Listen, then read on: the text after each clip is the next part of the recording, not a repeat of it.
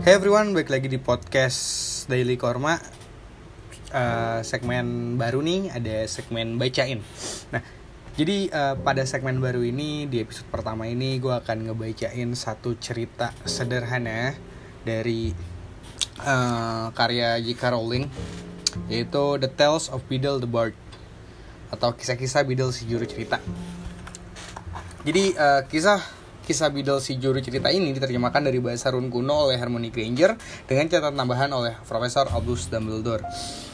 Yang sebenarnya ya ceritanya seperti itulah. ceritanya terjemahkan oleh Harmony yang padahal uh, ya ini karya J.K. Rowling juga gitu kan. Baik, uh, di episode pertama ini gue akan menceritakan uh, mengenai kisah tiga saudara yaitu uh, kisah dari The Deadly Hollow uh, atau religi kematian. Baik. Semoga segmen ini kalian suka dan nyaman ya.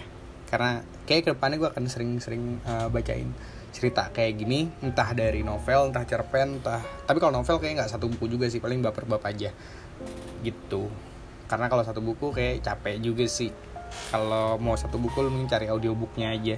Jangan dari gue cuman kalau misalkan kayak ini paling kalau misalkan novel baper bab kalau misalkan cerpen ya satu cerita utuh atau satu kisah satu kisah. Ya kalau Al-Quran mungkin uh, sain-sain lah kasarnya seperti itu. Baik. Hmm, jadi gue mulai aja. Uh, podcast Daily Korma segmen bacain episode 1 yaitu kisah tiga saudara Deadly Hollow atau religi kematian pada zaman dahulu, ada tiga saudara, kakak beradik laki-laki yang berkelana melewati jalan panjang berliku-liku di senja hari. Pada waktunya, ketiga saudara ini tiba di sungai yang terlalu dalam untuk diseberangi dengan berjalan kaki dan terlalu berbahaya untuk diseberangi dengan berenang.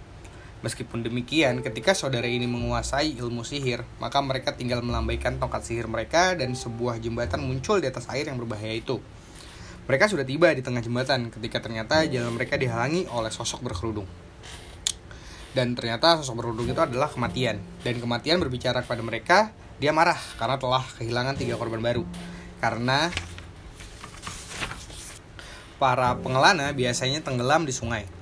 Tetapi kematian licik, dia berpura-pura memberi selamat kepada tiga saudara ini atas sihir mereka dan berkata masing-masing berhak mendapatkan hadiah karena telah cukup pintar untuk menghindarinya. Maka si sulung yang suka bertempur meminta tongkat sihir yang lebih hebat daripada semua tongkat sihir yang ada. Tongkat sihir yang harus selalu memenangkan duel bagi pemiliknya. Tongkat sihir yang layak diterima penyihir yang telah mengalahkan kematian. Maka kematian menyeberang ke sebatang pohon elder di tepi sungai, membuat tongkat sihir membuat tongkat sihir dari dahan yang menggantung di sana dan memberikannya kepada si sulung. Kemudian, si tengah atau anak kedua adalah orang yang sombong, memutuskan dia ingin permalukan kematian lebih jauh lagi dan meminta kekuatan untuk memanggil yang lain dari kematian. Maka kematian memungut sebutir batu dari tepi sungai dan memberikannya kepada si tengah dan memberitahunya bahwa batu itu akan memiliki kekuatan untuk mengembalikan orang yang sudah mati. Kemudian, kematian menanyai si bungsu, apa yang diinginkannya? Si bungsu ini yang paling rendah hati dan juga paling bijaksana di antara ketiga kakak beradik ini. Dan dia tidak mempercayai kematian. Maka dia meminta sesuatu yang bisa membuatnya melanjutkan perjalanan dari tempat itu tanpa diikuti oleh kematian. Dan kematian dengan amat sangat enggan menyerahkan jubah gaibnya sendiri kepadanya. Kemudian kematian menyisih dan mengizinkan ketika kakak beradik itu melanjutkan perjalanan mereka. Dan mereka pun melanjutkan perjalanan sambil membicarakan dengan takjub petualangan yang telah mereka alami dan mengagumi hadiah dari kematian. Pada saatnya ketiga kakak beradik ini berpisah masing-masing menuju tujuan mereka sendiri-sendiri. Si sulung berjalan kira-kira seminggu lagi dan tiba di suatu desa yang jauh mencari penyihir kenalannya dengan siapa dia pernah bertengkar. Tentu saja dengan tongkat sihir Elder sebagai senjatanya dia tak mungkin kalah dalam duel yang terjadi. Meninggalkan musuhnya mati di lantai, si sulung menuju tempat penginapan. Di sana, dia membanggakan keras-keras kehebatan tongkat sihir yang telah diperolehnya dari kematian itu sendiri dan tentang bagaimana tongkat sihir itu membuatnya tak terkalahkan. Malam itu juga, seorang penyihir lain mengendap-endap mendatangi si sulung yang sedang terlelap, bersimbah anggur di tempat tidurnya. Pencuri ini mengambil tongkat sihirnya dan sebagai tambahan menggorok leher si sulung. Maka kematian mengambil si sulung sebagai miliknya. Sementara itu si tengah pulang ke rumahnya tempat dia hidup sendiri. Dia mengeluarkan batu yang memiliki kekuatan untuk memanggil orang mati dan memutarnya. Tiga kali dalam tangannya. Betapa heran gembiranya dia, sosok gadis yang dulu pernah diharapkannya untuk dinikahinya sebelum gadis itu meninggal dalam usia muda, muncul seketika itu juga di hadapannya. Meskipun demikian, gadis itu sedih dan dingin. Terpisah darinya seolah-olah sehelai selubung. Walaupun telah kembali ke dunia, orang hidup, dia sesungguhnya bukanlah bagian dari dunia itu dan menderita. Akhirnya, si tengah menjadi gila karena kerinduan yang sia-sia membunuh diri supaya bisa benar-benar bergabung dengan gadis itu. Maka kematian pun datang mengambil si tengah sebagai miliknya. Namun, meski kematian mencari si bungsu selama bertahun-tahun, dia tak pernah berhasil menemukannya. Barulah ketika telah mencapai usia sangat lanjut, si bungsu membuka jubah gaibnya dan memberikannya kepada anak laki-lakinya. Dan, dan kemudian dia menyalami kematian sebagai teman lama dan pergi bersamanya dengan senang dan sebagai teman sederajat. Mereka meninggalkan kehidupan ini.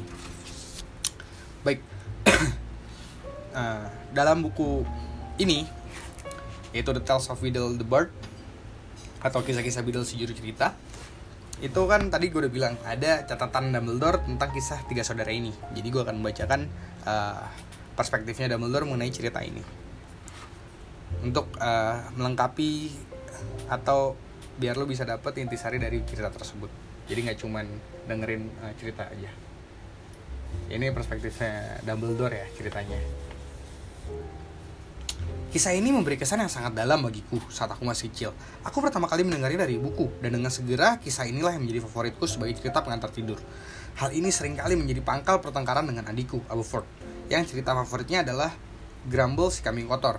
Pesan moral dari kisah tiga saudara ini sangatlah jelas, upaya manusia untuk menghindari atau mengalahkan kematian selalu berujung pada kekecewaan.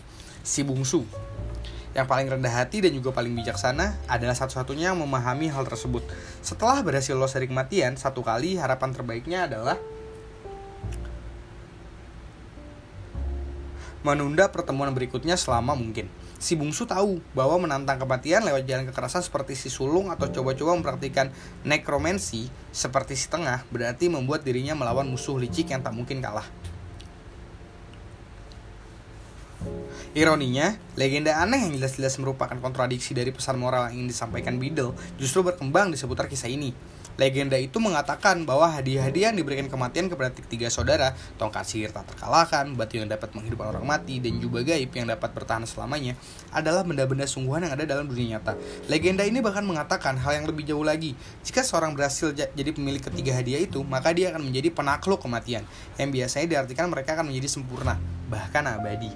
Apa yang dinyatakan legenda ini tentang sifat alami manusia mungkin akan membuat kita tersenyum dengan sedikit sedih. Interpretasi yang paling murah hati adalah berharap musim semi berlangsung selamanya. Di luar fakta bahwa menurut Biddle, dua dari ketiga hadiah tersebut sangat berbahaya. Di luar pesan yang sangat jelas bahwa kematian pada akhirnya akan menemui kita semua. Ada segelintir orang dalam komunitas penyihir yang tetap percaya bahwa Biddle sebenarnya sedang mengirimkan pesan rahasia. Pesan yang berke balikan dari pesan moral yang tertulis dan bahwa mereka sendirilah yang cukup pandai untuk memahami pesan ini. Teori mereka, atau mungkin lebih tepat disebut harapan sia-sia, didukung oleh bukti yang sangat sedikit. Jubah gaib kebetulan mes jubah gaib yang betulan meskipun sangat langka memang ada di dunia ini. Akan tetapi kisah ini jelas-jelas mengatakan bahwa jubah gaib kematian sangat unik karena ketahanannya. Walaupun berabad-abad sudah berlalu sejak masa Biddle dan mas dan masa hidup kita sendiri, tak seorang pun pernah mengaku menemukan gaib kematian. Hal ini berusaha dijelaskan oleh orang-orang yang percaya tersebut dengan cara demikian. Ada dua kemungkinan, keturunan saudara ketiga tidak tahu dari mana asal-usul jubah yang mereka warisi, atau mereka tahu tetapi memutuskan untuk melanjutkan kebijaksanaan nenek moyang mereka dengan tidak mengembar-gemburkan fakta tersebut. Cukup cukup masuk akal jika ternyata batu kebangkitan juga tak pernah ditemukan, seperti yang telah kukatakan dalam komentar untuk kisah Baby T, Rabbit T, dan Tunggul Terbahak. Kita tetap tidak mampu mem membangkitkan orang yang telah mati, dan ada banyak alasan untuk menganggap hal ini tak akan pernah terjadi. Cara-cara lain memang telah coba dilakukan oleh penyihir-penyihir hitam dengan menciptakan inventari Inferi maksudnya. Akan tetapi Inferi hanyalah boneka-boneka mengerikan bukan manusia sungguhan yang dibangkitkan dari kematian. Lebih lagi, kisah Bidal dengan eksplisit menceritakan bahwa kasih si tengah tidak benar-benar kembali dari kematian.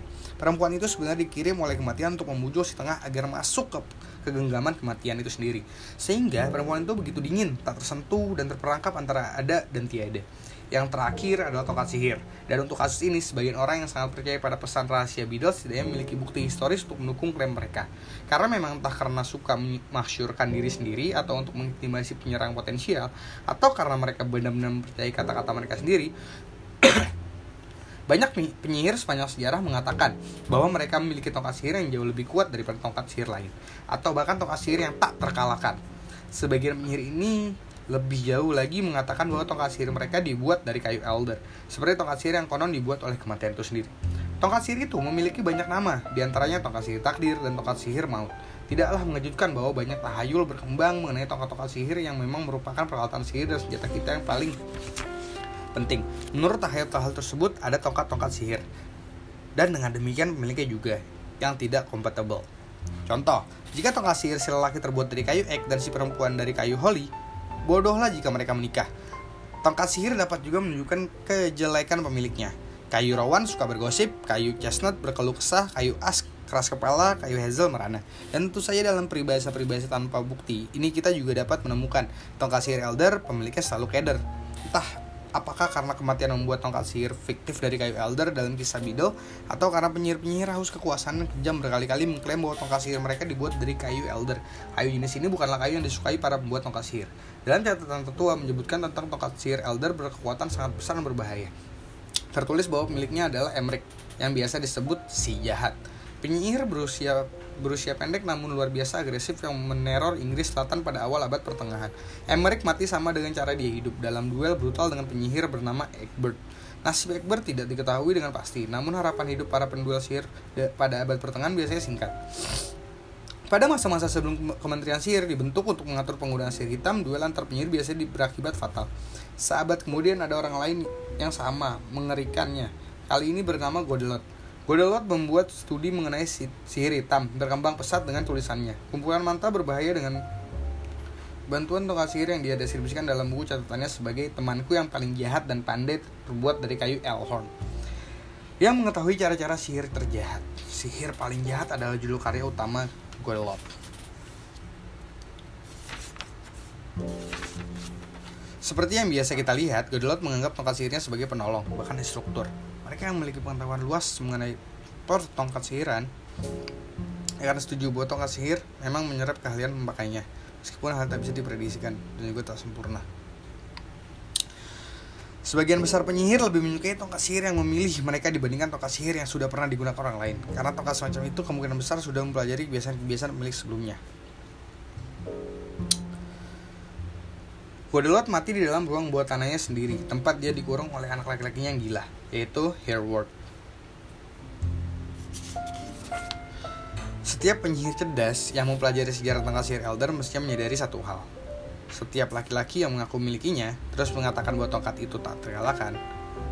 Padahal faktanya, ternyata mereka akhirnya kalah juga dan berkali-kali. Tapi juga bahwa tongkat itu menarik masalah sama seperti Grumble si kambing kotor menarik lalat.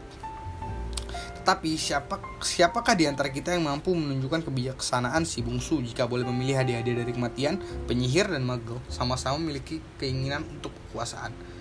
Berapa banyak yang mampu menolak tongkat sihir takdir? Manusia manakah yang pernah kehilangan orang yang dia cintai dapat menahan godaan untuk memiliki batu keabadian? Bahkan aku, yaitu Albus Dumbledore, pasti akan lebih mudah menolak jubah gaib daripada kedua hadiah lainnya. Dan itu menunjukkan bahwa meskipun aku cerdas, aku juga sama bodohnya seperti orang-orang lain catatan dari Albus Dumbledore mengenai kisah uh, religi kematian atau Deadly Hollow atau dalam kisah ini disebut kisah tiga saudara. Baik uh, untuk episode pertama dari segmen bacain ini kayaknya udah dulu. Makasih yang udah denger dan semoga ke depannya cara gue ngebacain cerita lebih baik lagi. Uh, thank you yang udah denger, semoga uh, pada suka segmen barunya uh, ya udah gitu aja kayaknya. Gue korma pamit. Ciao ciao ciao ciao. Bye